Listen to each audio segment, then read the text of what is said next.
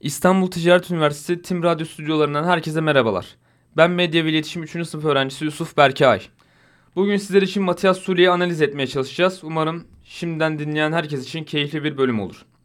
Matias Sulli'nin en iyi 3 özelliğiyle geçelim. Bitiricilik, birebir etkinliği ve driplik konusunda oyuncu gayet üst düzey bir performans sergiliyor. En kötü 3 özelliğine gelecek olursak güç, ikili mücadele ve agresiflik. Oyuncu bu konularda gerçekten çok yüksek seviyelerde değil hatta düşük seviyelerde de diyebiliriz. Stilinin benzediği oyuncu ise Leroy Sané, oynayabileceğini düşündüğümüz takımlar ise Arsenal, Valencia ve Bayer Leverkusen. Teknik özelliklerine gelecek olursak, oyuncu çizgiye yakın oynayıp oyunu genişletebildiği gibi iç koridorda da konumlanıp kanat forvet gibi oynayabilmesi ve bulunduğu kanatta ikiye birleri gerçekleştirip pozisyon üretimine katkı sağlaması ilgi çekici bir özelliği. Ayrıca set oyununda da merkezde pozisyon alıp oyuna etki edebilen bir isim. Geçiş hücumlarında çok efektif bir oyuncu. Merkezde konumlanıp daha topu ayağına almadan ne yapacağına karar verebiliyor. Hızlı hücumlarda kullanılabilecek bir oyuncu. Son vuruşlar konusunda çok başarılı. Skorerliği onun üst seviyede oynamasını sağlayan özelliklerinden bir tanesi. İlk kontrolleri ve topa dokunuşları iyi seviyede. Bu özellikleri dribbling ve birebir etkinliğiyle birleşince topla ilişkisi üst düzey bir oyuncu olduğu göze çarpıyor. Pas oyununa iyi bir şekilde katkıda bulunan bir oyuncu. Orta açma özelliği de bir o kadar iyi durumda. Özellikle direkt ara paslarında ve havadan yerden ortalarda harika toplar gönderebiliyor.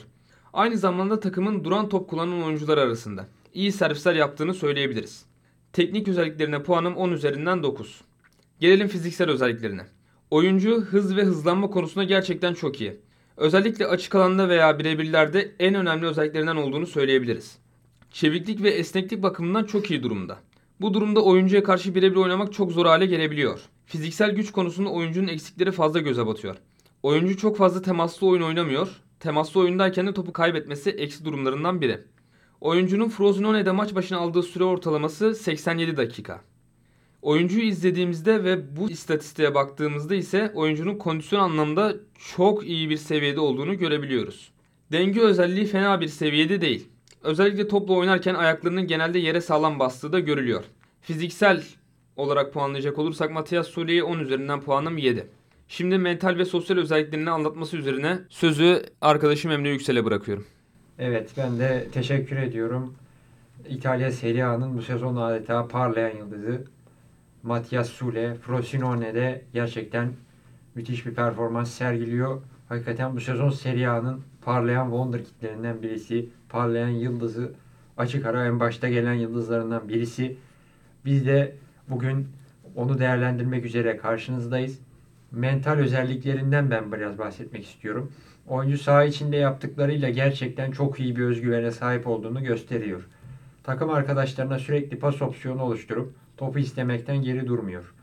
Yapmak istediği şeyi kararlı bir şekilde yapıyor ve yeri geldiğinde sorumluluk almaktan çekinmiyor.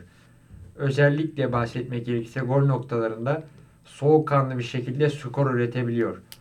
Fakat bu durum bazen baskı altındayken aksayabiliyor.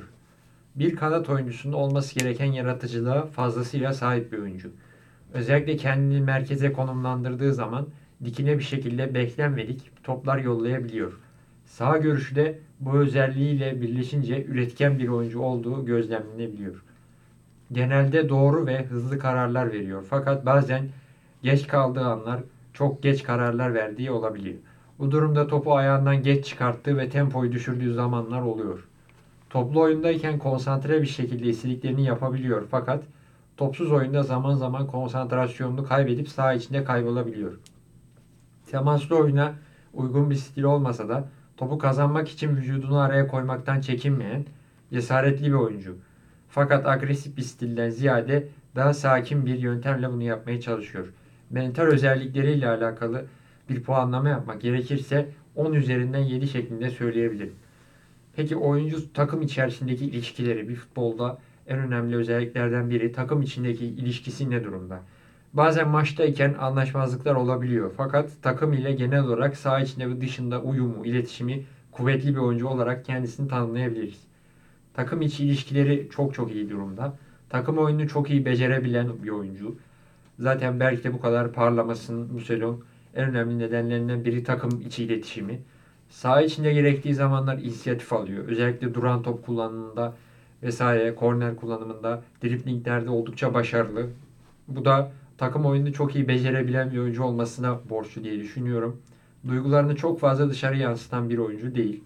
Takım huzurunu bozacak, disiplinsiz tutum davranışlara sahip bir oyuncu değil. Aksine sorumluluk sahibi bir oyuncu. Ve sosyal özelliklerini de bir puanlamaya sokmak gerekirse kesinlikle 10 üzerinden 8 çok rahatlıkla verebiliriz. Teşekkür ediyorum Emre. Matias Sully'yi bu şekilde analiz etmeye çalıştık. Bir sonraki bölümde herkese görüşmek üzere. Hoşçakalın.